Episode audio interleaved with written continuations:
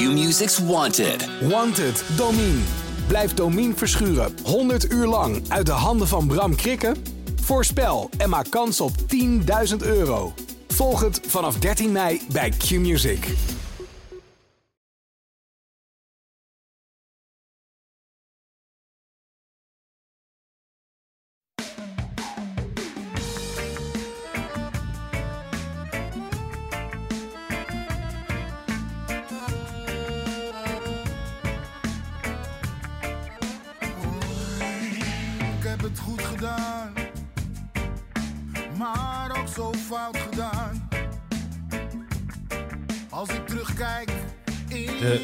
Van de waarheid staat voor de deur. Benfica thuis en Feyenoord thuis. Twee wedstrijden die het seizoen een beslissende wending kunnen geven. Vooral in negatieve zin. Want als ze verloren worden, dan tellen ze het zwaarst. Welkom bij Brani, de Ajax-podcast van het Parool en Ajax Showtime. Ik zit hier met Dick Sintony en Jesse Terhaar.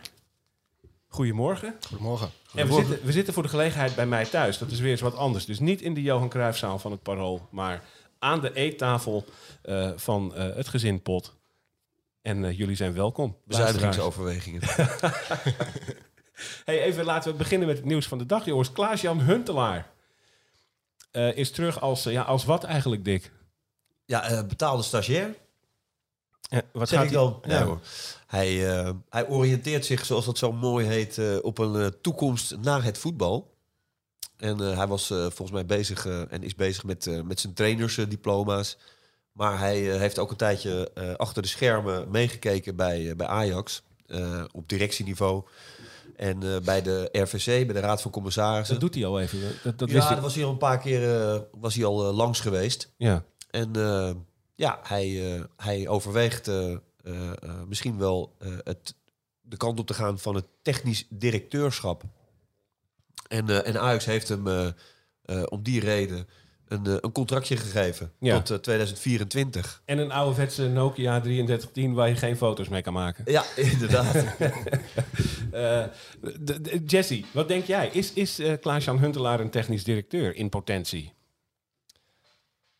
Ja, ik vind, ik vind het moeilijk om te zeggen. Want Vind je het leuk dat hij terug is? Laten we dat daar- sowieso. Ja, dat toch? sowieso. Want Ja. hij is gewoon echt ajax Ik weet ook nog dat hij terug kwam als spelen en dat ik daar ook heel enthousiast over was. Ja. Ja, het is moeilijk te zeggen, want we kennen zijn connecties niet en wat hij leuk vindt om te doen eh, specifiek en zo. Maar hij heeft wel de... Ik denk dat hij wel de soort van koude mentaliteit kan hebben die een technisch directeur moet hebben, zeg maar. Niet bezig met allerlei randzaken en dingen die om zich heen gebeuren, maar gewoon scheid aan alles en doen wat er gedaan moet worden. Gewoon heel nuchter. En dat, eh, daar onderscheidt hij zich in, denk ik. En eh, ja, of hij echt geschikt is als technisch directeur, ja, ik denk dat we daar nog niet heel veel zinnigs over kunnen zeggen. Nee, ja, het, het belangrijkste is, is dat hij, eh, en dat is hij altijd geweest, hij waait niet met alle winden mee. Hij gaat volstrekt zijn eigen gang. Hij heeft Ja. een heel eigen kijk op eh, het voetbal en, en het voetbalwereldje. ja. En daarin heeft hij ook altijd volstrekt zijn eigen weg ge- eh, gekozen. En niet onsuccesvol. Nou, dat is fijn. En het is een, het is een Ajax-ziet in hart en nieren. Ja, Ja. Dat, kun je wel, dat kun je wel stellen. Dat mogen we kwam, zeker ja, stellen. hij kwam eh, met, met, met ongelooflijk veel plezier ook eh, terug eh, bij Ajax... om eh, recht te zetten wat in het verleden nog niet gelukt was. Namelijk eh, kampioen worden. En eh, ja, dat geeft wel aan dat hij, eh, dat hij gewoon een heel goed gevoel heeft bij, eh, bij de club. En de club heeft een heel goed gevoel bij hem. Dus ja, dat zijn allemaal voorwaarden, denk ik, die, eh, ja, die gunstig zijn en goed zijn om, eh, om dit te laten slagen. Ik merkte dat ik er toen het nieuws bekend werd kinderlijk enthousiast over was. En dat, dat eh, natuurlijk omdat ik eh Klaas-Jan Huntelaar heel graag mag. En inderdaad vanwege dat Ajax-gevoel. Blij dat hij weer terug is in, eh, in, in de organisatie. Maar ook omdat hij... ik ken hem een klein beetje. Ik heb hem een aantal keren geïnterviewd door- door de jaren heen. Ehm, ik vind hem intelligent. Ik vind hem leergierig. Hij, hij leest boeken, hij wil dingen weten, hij verdiept zich.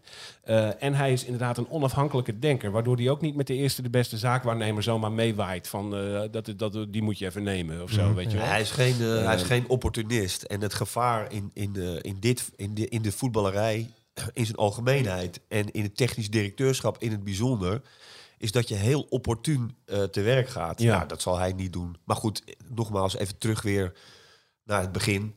Het is allemaal oriënterend. Eh, Ja. Ik, ik zei Ja. gekscherend net, eh, Eh, hij moet beginnen, denk ik, met de groene vinkjes op de goede plek te gaan zetten voor eh, de inschrijving van, de, van de Europese toernooien. Ja, dat klinkt heel, heel badinerend, maar dat is natuurlijk wel wat het is. Ja. Ik bedoel, Ajax gaat echt nog wel op zoek naar een eh, vervanger voor, eh, voor Overmars. En eh, die, die zal er ook komen.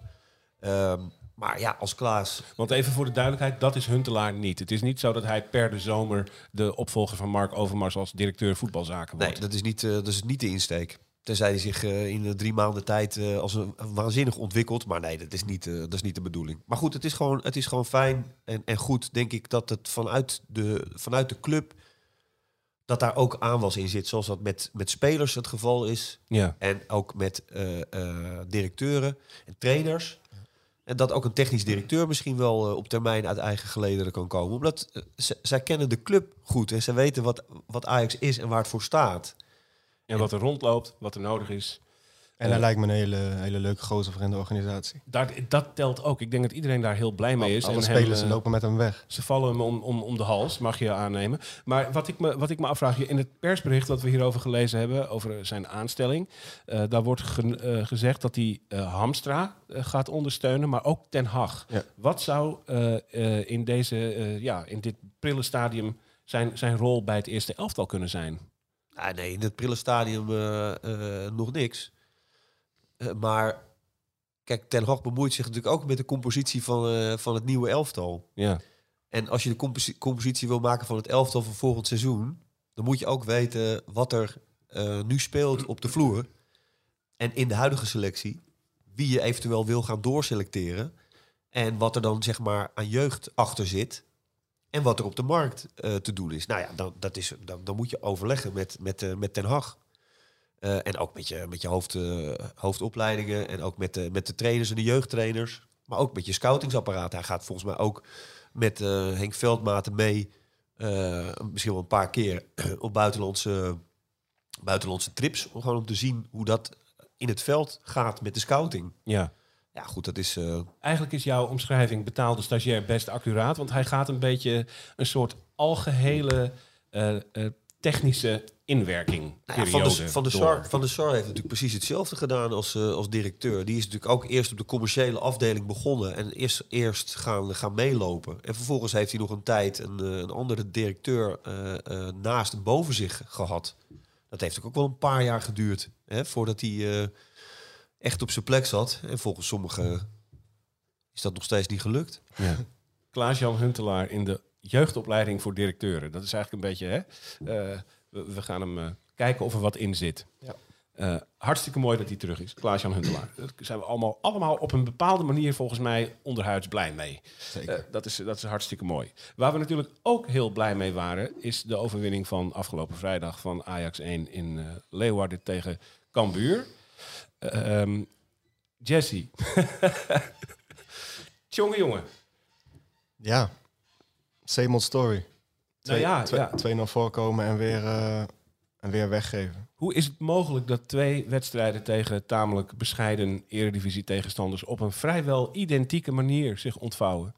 Eh, een Ja. overtuigende 2-0 voorsprong, dat weggeven naar rust en in de laatste minuut alsnog aan het langste eind trekken. Eh, het is bijna niet mogelijk dat dat twee weken achter elkaar gebeurt, maar het is gebeurd. Het is gebeurd bij Ajax, ja. Twee keer 3-2, ook nog precies hetzelfde. Precies hetzelfde, 2-0 voor bij rust en toch weggeven, ja. Ik, eh, ik krijg een beetje het gevoel dat spelers een beetje eh, moeite hebben met veranderingen naar rust. Dat ze niet het vermogen hebben om zelf het allemaal goed ehm, erop aan te passen, zeg maar. Dat, want Erik ten had het over individuele fouten en misschien was het ook wel zo. Alleen het zijn misschien wel individuele fouten in een geheel. Als het geheel rustig, rustig verloopt. Als iedereen met vertrouwen speelt, dan ben je ook minder snel geneigd om een individuele fout te maken. En als je minder zekerheid in je lijf hebt, omdat je weet dat de gehele organisatie misschien wat minder is op dat moment, dan Ja. ga je zelf misschien ook iets geforceerder te werk. Het is mij te makkelijk hoor. Eh, eh, individuele fouten. fouten. Ja. Nou, ik, ik vond het ook. Iedereen heeft het over identiek, maar ik vond het alleen in, in, het, in het scoreverloop vond ik het identiek. Maar voor de rest vond ik het een, een heel groot verschil met RKC. Kijk, dat is ook zo. Maar vertel. Nou, omdat tegen RKC eh, je steeds continu het gevoel had, ook in de eerste helft al, dat RKC zich gewoon vanuit open veldspel, eh, in de counter of niet, ook kansen creëerde. En ja, dat is nu eh, niet het geval. Cambuur kon, kon zelf niks creëren. in de, zeker voor rust was Ajax eigenlijk Ja, erg maar goed. na rust, na rust ook niet. Kijk, ze krijgen... Het is een corner die erin vliegt. Een vrije trap waarop Onana eh, redding eh, brengt. En een hele rare terugspeelbal van eh Taya Vico. Ja. Ja, dat is niet iets wat, wat Cambuur zelf heeft gecreëerd. Op geen enkele manier. En RKC deed dat wel. Ja. Meer dan eens. Ja. Misschien wel vier, vijf goede kansen. Dus daar, daar klopte eigenlijk geen hout van. En is jouw punt dan dat Ajax tegen Cambuur gewoon veel beter was dan tegen RKC eigenlijk? Eh, organisatorisch zeker. En de tweede helft gaat het vooral fout. ehm, ja, zeg maar in het aanvallende gedeelte. En, en dat was tegen RKC ook. Eh, alleen toen stond het erachter zo beroerd en was het zo slecht georganiseerd dat RKC zich daar echt doorheen kon voetballen. Dat was, dat was nu niet zo. Ja, eh, Cambuur kon er niet eh, van profiteren. Nee. Maar, maar dat het zeg maar aan de bal de tweede helft heel beroerd was, ja, dat is wel, dat is wel duidelijk. Het is gewoon te, te lichtzinnig, te, te gemakkelijk eh, de bal kwijtraken. Waardoor je, nou ja, Blind zegt, een tennis, noemde het een tenniswedstrijd. Nou, dat is precies wat het is. Als Ajax heel snel de bal kwijtraakt, dan moet je weer achteruit, dan moet je weer vooruit, achteruit. Dat is niet het spel van Ajax. Hadden ze nu beter georganiseerd dan tegen RKC. Alleen ja, je ziet het. Je geeft toch een, eh, een corner weg. Je geeft een vrije trap weg. En die vliegen er alle twee. Nou, niet de vrije trap, maar die corner vliegt erin. En die vrije trap bijna. Ja. En één hele rare terugspeelbal. En die vliegt er ook in. Dus, Van, een, van dus- een ook voor de rest behoorlijk zwakke Tagliafico. Hè? ja, daar ben ik, ben ik het ook niet mee eens. Want ik, ik, ik, vond, eh, ik vond hem in die zone... eh, Kijk ook even naar de, naar de eerste helft. Tweede helft veranderde dat weer iets. Maar je ziet wel wat hij toevoegt aan het elftal. Aan, aan slim rugdekking geven, slim doordekken. Eh, nou ja, goed, er zitten zoveel aspecten. De felheid in de, in de duel. Er zitten zoveel aspecten in zijn spel die, die Ajax in, de, ja, in deze situatie best wel eh, kan gebruiken. Ja, ik vind het interessant ook richting eh, Benfica. Wat, eh, wat Ten Hag gaat, gaat doen. Ja. Even, als we even blij- blijven bij die, bij die, die opstelling eerst. Hè. Eh, Benfica komen we zo op. Alvarez deed niet mee, want hij was ziek.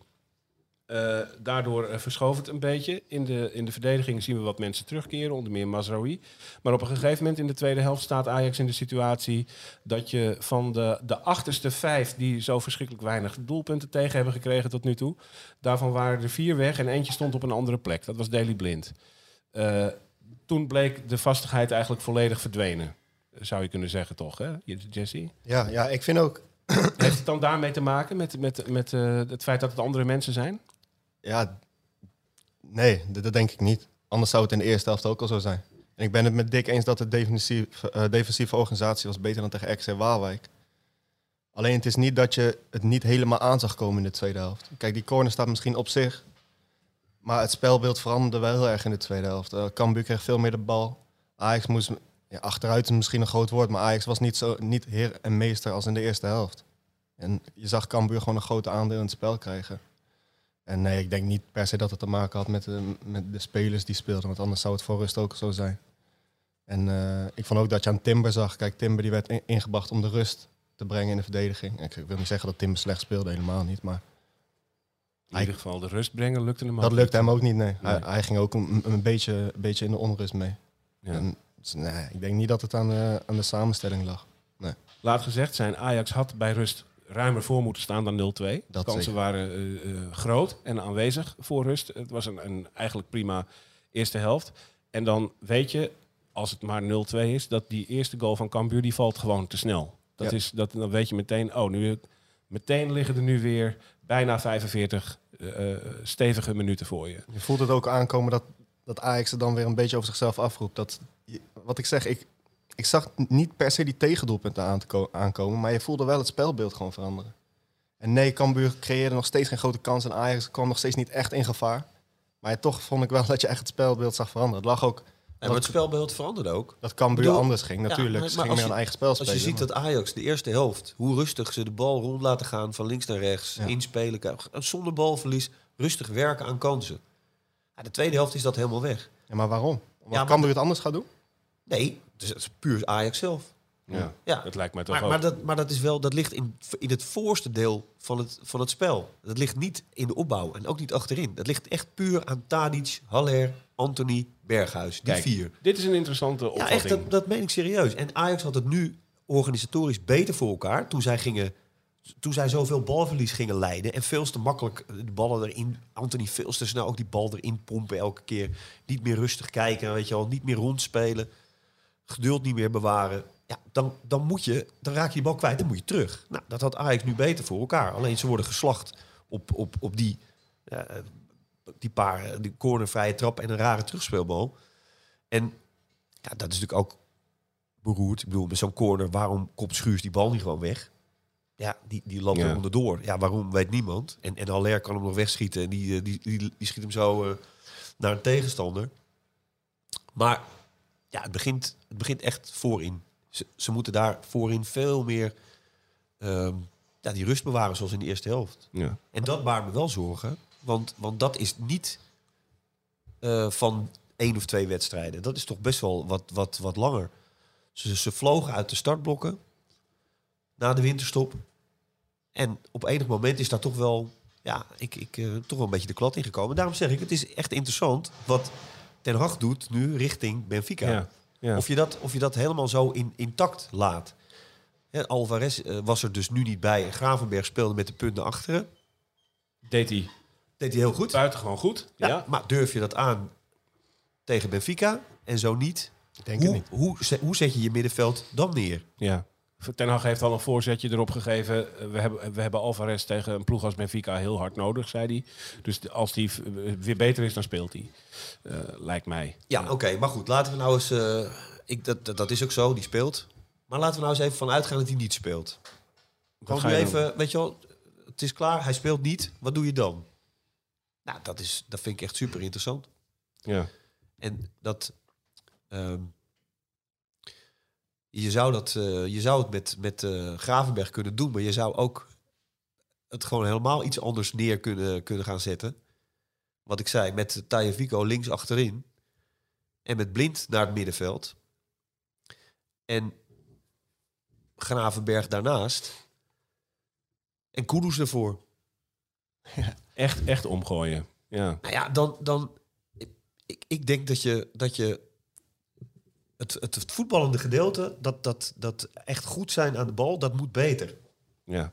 Het is een interessante opvatting die we hier horen. Dick Sintony, dames en heren, die zegt dus dat het probleem in wezen voorin ligt bij Ajax. En dat het daar in de tweede helft verkeerd ging. Dan blijft de vraag, de eerste helft speelt Ajax voorin helemaal niet slecht. Juist heel goed. Ja. Dus waarom verdwijnt dat? Waarom valt dat weg? Waarom is het, er- het, het- wat dan het verval heet? Waarom is dat zo groot de laatste weken na rust? Is dat de paniek na de snelle tegengoal naar rust dan? Dat ze daar, daarna de rust even niet meer kunnen bewaren in het Paniek door de snelle tegengoal. Is het gewoon toch eh labbekakkigheid? Is Ja, het, het, is gemak, het- het gemak waarmee het gaat. Weet je wel, dus eh het gaat de eerste helft zo makkelijk. En dan weet je wel, er wordt er eh, in alle kleedkamers tegen elkaar gezegd: jongens, kom op, niet versloppen. Nou, dat is allemaal cliché. Mhm. Maar eh, op het moment dat die eerste de beste bal eh er gelijk invliegt. en je daarna tien minuten niet de goede keuzes maakt. Ja, dan geef je dat initiatief gewoon bijna volledig uit handen. En dat is ook, bijna, dat is ook niet aan te sturen. hoor. Er wordt ook wel gezegd van in het elftal. Nou goed, dat is ook zo. Tadic, die, die staat dan toch ergens ver voorin. En die, die roept misschien wel eens wat. Maar die doet het zelf eigenlijk aan de bal ook niet goed. Nee. Veel te veel balverlies.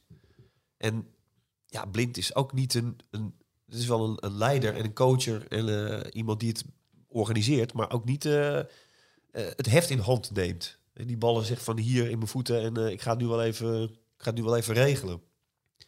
Dus ja, daar hebben ze wel, daar hebben ze echt wel moeite, moeite mee. Daarom zeg ik ja, het is Benfica. Dat, dat, vind het super, het is echt heel interessant hoe, eh, hoe eh, Ajax zeg maar geleerd ook van die uitwedstrijd, waarin je toch ook eh, geslacht wordt in, de, in de tegenaanval een paar keer Ja. ja, hoe je dat, hoe je, daar, daar was Alvarez ook gewoon bij, hè? Dus dat, dat deed Benfica gewoon heel, heel slim. Door, door echt in de rug van, van de backs, die, die veel mee naar voren gaan van Ajax, Masroei en, en Blind. Om juist die counter over die zijkanten te plaatsen. Zodat Alvarez ook hele grote afstanden moet, eh, moet, moet belopen vanuit de as om dat te corrigeren. je trekt eigenlijk als het ware dat, helemaal uit elkaar bij Ajax. Dus ja, het is, eh, het is echt het overwegen waard hoor, om, dat, eh, om, die Tagliafico daar gewoon eh, neer te zetten. En, eh, en misschien blind ietsje naar voren te schuiven en iets andere keuzes te maken. En ook echt het middenveld te krijgen. Dat, dat, ja, je moet aan de bal gewoon zo betrouwbaar, hè, heet dat. Gewoon Ja, zo ja. min mogelijk balverlies. Ja, dat klinkt heel, eh, dat is ook weer een cliché. Maar dat is wel voor Ajax super belangrijk. Ik vind dit smullen, hè? Maar Gewoon- mag ik iets vragen aan Dick nog even? Ja, tuurlijk. Ja. Maar vond je het nou fout gaan op het middenveld of in de aanval, het balverlies? Want jij zou het middenveld, ja, ik zeg niet dat je dat per se zou doen, maar je zou het overwegen om het middenveld anders neer te zetten. Maar net had je het over dat het vooral de voorhoede was die fout ging. En als je het middenveld anders neerzet, blijft de voorhoede nog steeds staan die de fout in ging. Ja, maar dat is wel, eh, dat heeft er wel te maken met de tegenstander. Kijk, tegen Cambuur speel je toch eh, eh, veel eh, in en rond de 16 van de tegenstander. En dan kan ik best voorstellen dat je een type als Klaassen erbij wil hebben. Vanwege zijn al zijn loopacties en ook Berghuis. Met zijn scorend vermogen en de steekbal, et cetera. Maar nu ja, moet, je, moet je toch tegen een, een sterkere, volwassenere tegenstander... eh, moet, je, moet je de baas eh, gaan zijn op het middenveld. In jouw eh, Benfica-variant zou Berghuis het kind van de rekening zijn, denk ik, hè? Ja, ik. Ja, misschien. eh, het is mijn persoonlijke mening. En dat is leuk, want iedereen heeft een persoonlijke mening over, eh, over voetbal. En dat is, allemaal- maar ik, ik, vind hem, ik, vind hem niet, ik vind hem niet dwingend genoeg in het spel. Ik vind het te, te week, te, te, te niet aanwezig. Ja. En Kudus dan? Ja, dat is, eh, dat is natuurlijk een. eh, Ook lastig, ook een lastig Ja, verhaal. daarom. En die heeft heel lang niet gespeeld. Dus misschien moet je wel hè, als trainer eh, kiezen voor, voor die zekerheid. En, Ja. en, die, en natuurlijk heeft Berghuis ook zeker het hartstikke goed gedaan. Alleen, ja, ik kijk eventjes gewoon nu met het oog puur naar, naar wat er voorhanden is aan spelers. En wat de tegenstander, waar die mee komt. Mhm. En hoe die spelen. Maar als je Kudus dan niet wilt opstellen tegen Benfica, zou je dan denken aan een middenveldvariant met Gravenberg, Klaassen en Blind eigenlijk als, eh, als grendel erachter en dan Taliafico linksachter? Ja, nee, goed, dat is ook nog een. Het gaat, er, het gaat erom of je, of je eh, blind links in die zone wil eh, laten staan. Dat je gewoon vasthoudt aan wat je al die tijd doet. En dat gaat hij wel doen hoor. Ik bedoel, Ja. Ten gaat. Het is niet de man van de grote veranderingen. Maar weet je, ik vind het heel leuk om dat een beetje te bespiegelen. Ja, Op basis van het spel nu van Ajax, het, het, het spel van individuele spelers en die eerste wedstrijd eh, Benfica uit. Wat voor, hoe, hoe zij dat hebben ge, ge- getackeld, zeg maar, de manier van spelen van Ajax. Nou, als je dat een beetje zo tegen elkaar zet, is het best leuk om daar een beetje over te, over te discussiëren hoe je dat, eh, hoe je dat zou, eh, zou kunnen oplossen. Maar ik denk dat Ten Hag gewoon kiest voor, eh, voor, zijn, voor zijn vaste plek. Dus Alvarez zal denk ik gewoon spelen. ja als hij, beter is. Weten beter is eh, en dan speelt Blind gewoon links achterin. Het is niet bevestigd dat hij corona had, maar het zal waarschijnlijk een positieve test geweest zijn. Eh, en dan, eh, dan is de kans groot dat hij eh, gewoon weer beschikbaar is. Eh, we zien natuurlijk ook eh eh, eh, Lisandro Martinez keert terug in de ploeg. Eh, Timber en Mazraoui hebben de test in feite doorstaan. Dus dan kan Ajax alweer in elk geval met de achterhoede spelen die we gewend zijn te zien. Alleen de keeper niet, hè? Alleen de keeper niet. Ehm, en dat, eh, eh, dat is toch ook een, een puntje, die Onana, eh, die toch wat onrustig overkomt in zijn, in zijn comeback, Jesse. Ja. ja, hij komt wel onrustig over. Een beetje onwennig komt hij over Het zijn inderdaad. geen blunders, Nee. maar het is ook niet dat hij staat nou- ook geen zekerheid uit. Nee. Nee. En Pasveer, ja. Ik, ik weet niet meer wie, ik hoorde het gisteren iemand zeggen. Onana is een betere keeper, dat staat vast. Maar misschien kan Pasveer het wel veel beter neerzetten. Hij kan natuurlijk ook gewoon Nederlands communiceren. Dan kan je veel sneller en directer eh, de boel neerzetten. Ja. Maar ik denk dat de crux, om het nu beter te doen tegen Benfica... denk ik dat het gewoon ligt bij speel vanuit je positie... en hou je gewoon aan je taak. Als je, als je weer met Blind en Mazraoui op, eh, op, op 75 meter van het veld gaat spelen... Ja. gaat Rafa Silva, die, kla- die klapt er weer overheen over de rechterkant. Je hebt weer hetzelfde probleem. Ik denk dat je gewoon... Ja, kijk, Hag zal het toen ook al heus wel hebben gedaan. Maar ik denk dat hij gewoon weer de nadruk moet leggen op... Blijf nou in je positie, speel nou gewoon iets voorzichtiger. Het is helemaal geen schande om in de achtste finale van de Champions League... iets voorzichtiger te spelen dan in de Eredivisie. Dat, Ja. dat is normaal. Dat doen de topclubs doen dat zelfs. Als je topclubs tegen elkaar ziet spelen... is het meestal een saaie wedstrijd... omdat ze voorzichtig doen en gaan schaken. Maar Ajax is...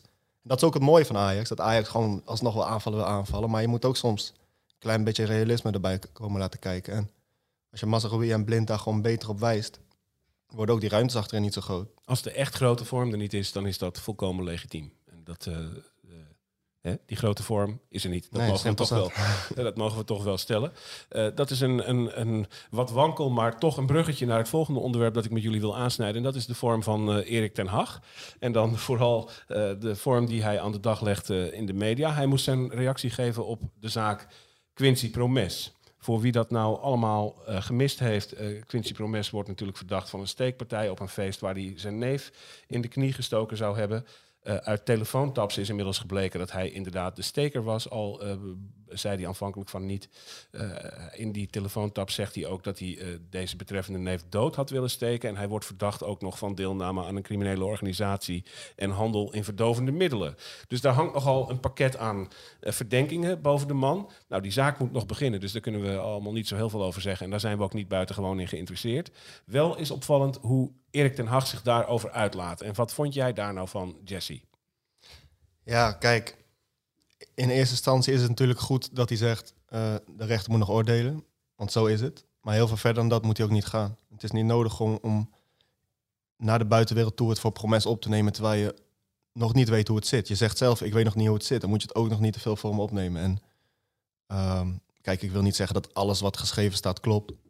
Maar er wordt zoveel geschreven dat er heus wel iets zal kloppen van het geheel. Ja, Dus dan is het denk ik niet handig om... eh, je hoeft ook niet tegen promes te keren, maar hou je gewoon even afzijdig gewoon. Zeg, eh, dat lijkt me dit, is, verstandig. dit is niet mijn ding, het is niet mijn speler. Eh, ik heb een verleden met hem, maar dat maakt niet dat ik hier nu een mening over moet hebben. Maar is het fair dat Ten Hag hierna gevraagd wordt, Dick? Ehm, ja, je mag natuurlijk vragen, is dat vrij? Eh, alleen, ja, de setting net, net na zo'n wedstrijd is natuurlijk wel gek. Maar goed, misschien is dat het enige moment dat die vraag dan gesteld kan worden. Ook, ook voor de wedstrijd was het al, hè? Of voor de wedstrijd. Ja. Ja, goed, rond de, rond de wedstrijd. Ik bedoel, daar staat je hoofd natuurlijk als trainer eigenlijk helemaal niet naar. Eh, maar goed, het, het vragen mag. Eh, ja, en antwoorden. Ja, je moet... Kijk, ik had misschien als verslaggever gevraagd aan, aan Ten Hag nog eerder of hij niet zwaar teleurgesteld is in het feit dat Promes eigenlijk eh, tegen hem steeds heeft volgehouden dat hij daar helemaal niks mee van doen had. En ja, hoe dat bij hem is aangekomen. En daar had hij dan misschien een, een persoonlijk eh, antwoord op kunnen geven. Ja, en nu ja, maakt hij eigenlijk... eh, ja, goed, het, het is bij de rechter. Ja, dat is zo. Punt. Maar komt Daar, het- daar had hij het gewoon bij moeten laten eigenlijk. Maar in, in een, wat, als je het even vanuit een Ajax-perspectief benadert. eh, vorige week hadden we natuurlijk Tadic, die over Overmars het wat ongelukkig voor de man opnam. eh, terwijl je dat beter niet kunt doen. Eh, nu wekte Ten Hag die indruk ook weer. Dit komt erg krukkig over. Hè? Dat die Ajaxiden, eh, ze willen deze mannen niet afvallen.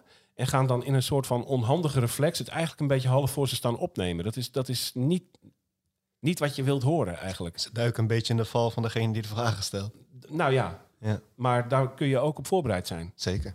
Absoluut. Als je gewoon van tevoren bepaalt met z'n allen van... oké, we zeggen het ligt bij de rechter en daar laten we het bij. Dan kan je het daarbij laten. Je bent niks verplicht. Je bepaalt zelf wat de buitenwereld ingaat. Ja, ja. Je bent alleen verplicht om voor de camera te staan. Maar als die vraag je niet aanstaat, dan laat je weten dat die vraag je niet aanstaat. Denk Ja, ik. dat is ook heel dubbel, hè? Want daar is natuurlijk al in het verleden ook wel vaak kritiek op geweest. Dat trainers of spelers gewoon zeiden van ja, daar ga ik niet op reageren, daar zeg ik niks op. Nou, dat vinden we dan ook slap en zwak. En nu probeert Ten Hag het eh, nog en dan doet hij het eh, ja, een beetje halfbakken. En niet op een goede manier. Ja, oké. Af en toe maakt hij zijn punt en af en toe eh, mist, hij, mist hij de slag. Ja, ik, ik weeg er ook niet te zwaar aan hoor. Want ik weet dat Ten Hag eh, het allemaal niet met kwade bedoelingen doet en zo. Maar het is gewoon een beetje onhandig. Nee. Wat, eh wat Quincy Promes doet, dat is uiteindelijk niet iets wat Ajax kan tegenhouden. Nee. Eh, hij is al meer dan een jaar geen speler meer van Ajax. Ehm, eh, laten we eventjes eh, vooruit gaan eh, kijken naar de week die voor ons ligt. Voordat we dat doen, wijs ik jullie, luisteraars, erop dat wij voor de tweede keer met Brani een extra podcast gaan maken. De ochtend na Ajax Benfica. Dan blikken we terug op de wedstrijd. Dat is dus woensdagochtend. Voor de lunch, zo rond lunchtijd staat die online. Dan gaan we de wedstrijd nabespreken. En een beetje vooruitkijken naar wat er daarna komt. Dat gaan we nu ook doen, want het, de Eredivisie begint zich in een kritiek stadium te begeven nu.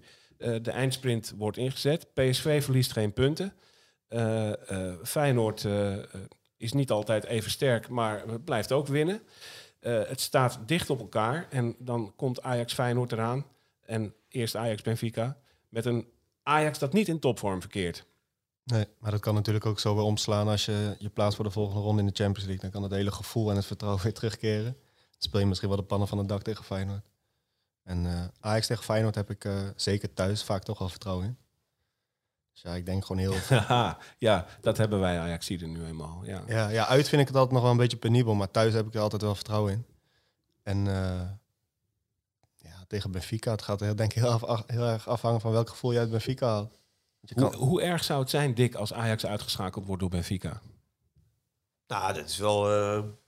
Dat zou wel een enorme streep door de rekening zijn. Ik bedoel, ik denk dat die, eh, dat die hele selectie, die spelers, de staf. Ja, toch wel daar heel erg mee bezig zijn. Om in ieder geval deze ronde nog eh, te overleven. En dat. eh, ja, dat, dat, geeft. Maar Ajax is natuurlijk wel gewoon de afgelopen jaren gegroeid. in, in voetbal, in spel en in prestaties.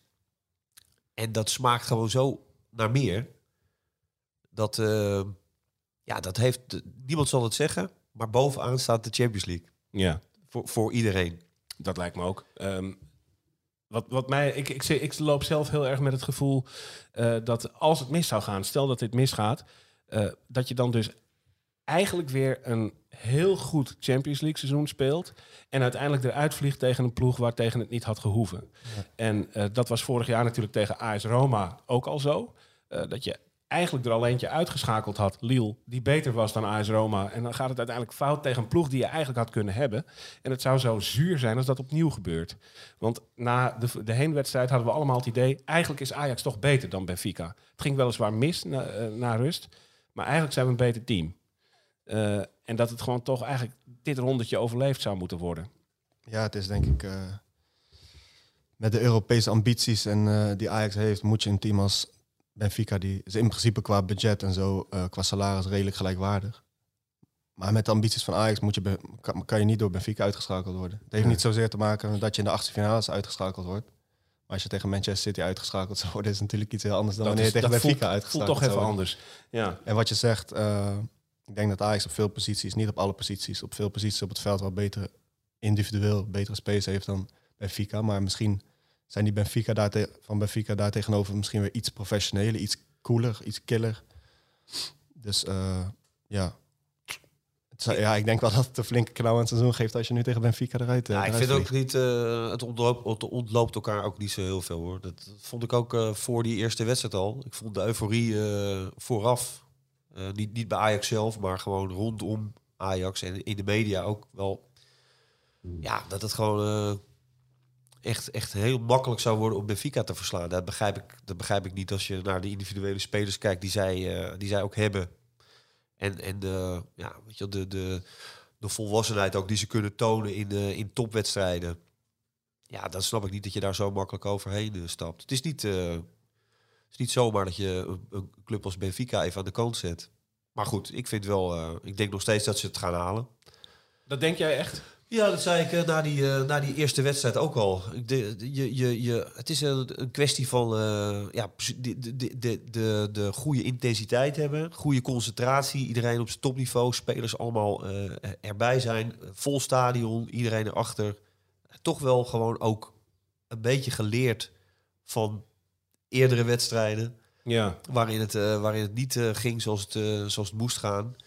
Ja, dat, dat, dat zal nu eigenlijk allemaal een beetje tot, tot uiting eh, moeten komen. Want die, het gekke is, die, diezelfde supporters die, die in de aanloop naar de eerste wedstrijd dachten... eh, dit Benfica rollen we op. eh, die beginnen nu allemaal een beetje van ja, Valencia, Atalanta, Getafe, AS Roma. we voelen hem wel weer aankomen. Ja. En dat, dat gevaar sluimert een beetje zo toch. Niemand durft er echt helemaal gerust op te zijn. Er ziet een soort van potentiële rampweek voor zich liggen. Nou ja, goed, weet je, dat is ook niet, niet heel vreemd als je ziet hoe, eh, hoe die wedstrijden allemaal zijn verlopen. Weet je, dus Ajax dat graag eh, eh, aanvalt. En dat ook moet aanvallen, want het zit richting de DNA van, van de club, maar ook in deze selectie. En met deze trainer. Dus aanvallen moet. Alleen ja, je bent toch wel een aantal keren op cruciale momenten, ja, zeg maar, ge, ge, nou, geslacht wil ik niet zeggen, maar je liep, je liep in de val. Ja, Nou goed, en nu, eh, nu zal moeten blijken eh, of, eh, of daarvan geleerd is en of die selectie ook eh, wat beter in elkaar steekt. Of daar wat meer eh, eh, volwassenheid en, en slimheid ook in het spel zit. Nou, dat gaan we zien. Ik Ja. zeg van wel, maar Mooi, mooi taak voor Ten Hag ook natuurlijk. ja. En dan kijken wat er daarna komt. En dat gekke Feyenoord, Dick.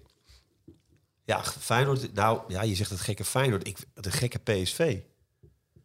Ik, ik heb de, de- die wedstrijd tegen Utrecht nou weer eens helemaal gekeken. Ja, ik vind nog steeds, er is nog steeds geen touw vast te knopen aan. Het hele PSV niet. Maar die blijven inderdaad maar gewoon winnen. Ja, En ik kon gisteren na die wedstrijd ook... Ja, denk ik, hoe hebben ze nou hier nou weer gewonnen? ja. Maar ja, het is, het is, toch, het is toch heel knap. Weet je wel, weer allerlei wisselingen en zo. En niet bijster goed spelen. Utrecht er ook een paar echt hele grote kansen. Ja, ze prikken er één in en het is weer genoeg. ja.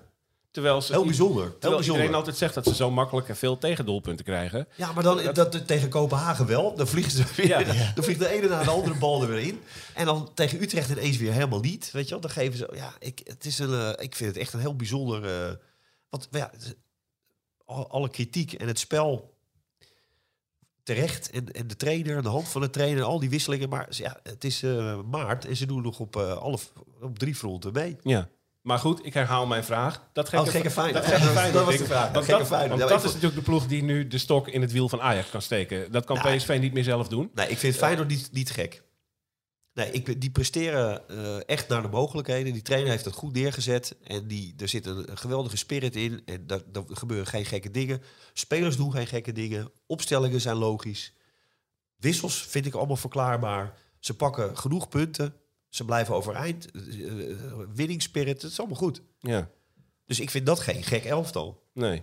Nou ja, dat, eh, die kunnen het eh, Ajax best wel lastig maken hoor. Als, eh, als Ajax niet de goede doel is. En, eh, en zij eh, zich goed instellen op het spel van Ajax. En nog de uitkomst van eh, Benfica daarbij. Daar hangt natuurlijk altijd een, eh, een sfeertje aan vast. Wat eh, Jesse net zegt. Hè. Dat, eh, dat werkt altijd nog wel even door. Ja, Nou ja, interessant. interessant. Eh, eh, jij kunt het iets meer als een supporter benaderen, Jesse. Eh, is het ook zorgwekkend, Feyenoord? Ajax Feyenoord? Nee, vind ik niet. Nee, jij ziet daar geen... Ik zie gewoon een veel te groot verschil tussen Ajax en Feyenoord in kwaliteit. Weet je, het, het, het, het klopt bij Feyenoord. Wat ze hebben, zetten ze goed neer. Ja, Maar noem maar eens een speler van Feyenoord die bij Ajax per se in de basis staan. Ik ken hem niet. Er is bij Ajax gewoon veel meer kwaliteit. Dus als Ajax gewoon op zijn beste, op zijn, naar zijn kwaliteiten speelt, dan heeft Feyenoord geen kans. ja. Natuurlijk, als Ajax eh, ehm, dat niet doet, dan is Feyenoord een ploeg in de Eredivisie die het Ajax moeilijk kan gaan maken. Maar als Ajax gewoon zijn eigen spel speelt, is dat geen enkel probleem. Ja. Geloof ik niet. Ik zag een geruststellend eh, staatje van, van iemand die had uitgerekend eh, hoeveel punten Feyenoord had gepakt tegen wat nu het rechterrijtje van de stand is en wat ze hadden gepakt tegen het linkerrijtje. Tegen het rechterrijtje waren ze bijna foutloos. Ik geloof van de 42 mogelijke punten hadden ze de 40 gepakt. En tegen het linkerrijtje was dat toch aanzienlijk dunner. En daar kan Ajax nog wat van leren. Ja, dat, eh, Nou ja, echt. dat is gewoon waar het... eh, Aj- Ajax is wat dat betreft gewoon eh, in de topwedstrijden iets beter. ja. Even los van AZ. En ja, tegen de zwakke broeders is het moeilijk. Maar daarom zeg ik net, A- Feyenoord haalt wat dat betreft wel gewoon alles uit de mogelijkheden. De wedstrijden die, ze, die, ze, die ze kunnen winnen, die winnen ze ook. Ja. ja. Het wordt een week van de waarheid, sowieso. Over een, eh, over een week kan Ajax eh, jubelend eh, de finale van het seizoen tegemoet gaan. Met een kwartfinale Champions League en een heel wat waarschijnlijker geworden landstitel. Het kan ook nou ja, crisis zijn. Hè? Het kan, het kan een, een pijnlijke, zeer kostbare week worden als het, als het fout zou gaan. Dat gaan we zien. Eerst Ajax-Benfica. eh, en de ochtend daarna gaan wij, nogmaals, ik laat het je nog even weten... een extra editie van Brani, de podcast maken. En een warm welkom weer voor eh, Jan Vertongen, hoop ik. ik, ik- nou ja, hè? Toch? Vast en Ik, zeker. ik, zag, ik zag hem eh, ook weer eh, op, op Insta enorm in de weer met pakketten voor Oekraïne. Voor pakketten voor Oekraïne, ja. met een aantal spelers, een grote inzamelingsactie. En er staat die lange Jan weer met, met vuilende zakken te, te, te slepen. ja, En, het is, ja, het is ja, een het is- topgozer. het is echt een mooie, mooie vent. G- groot applaus voor de wedstrijd en dan winnen. Ja. Jan, Til, eh, nog vooral een paar hele zware pakketten voor Oekraïne de komende, de komende 24 uur. En dan geven we je een eh, klaterend applaus in de, in de Johan Cruijff Arena. Want dat komt je toe. Een mooie, goede Ajaxiet, Jan Vertongen. Hey, dankjewel eh Jesse Ter Haar voor het komen naar mijn, mijn crib. Dankjewel Dick voor het komen naar mijn casa. Eh, wij zijn er dus woensdagochtend rond lunchtijd weer met een extra editie. Dankjewel voor het luisteren. Dit was Brani, Brani de podcast voor deze maandag.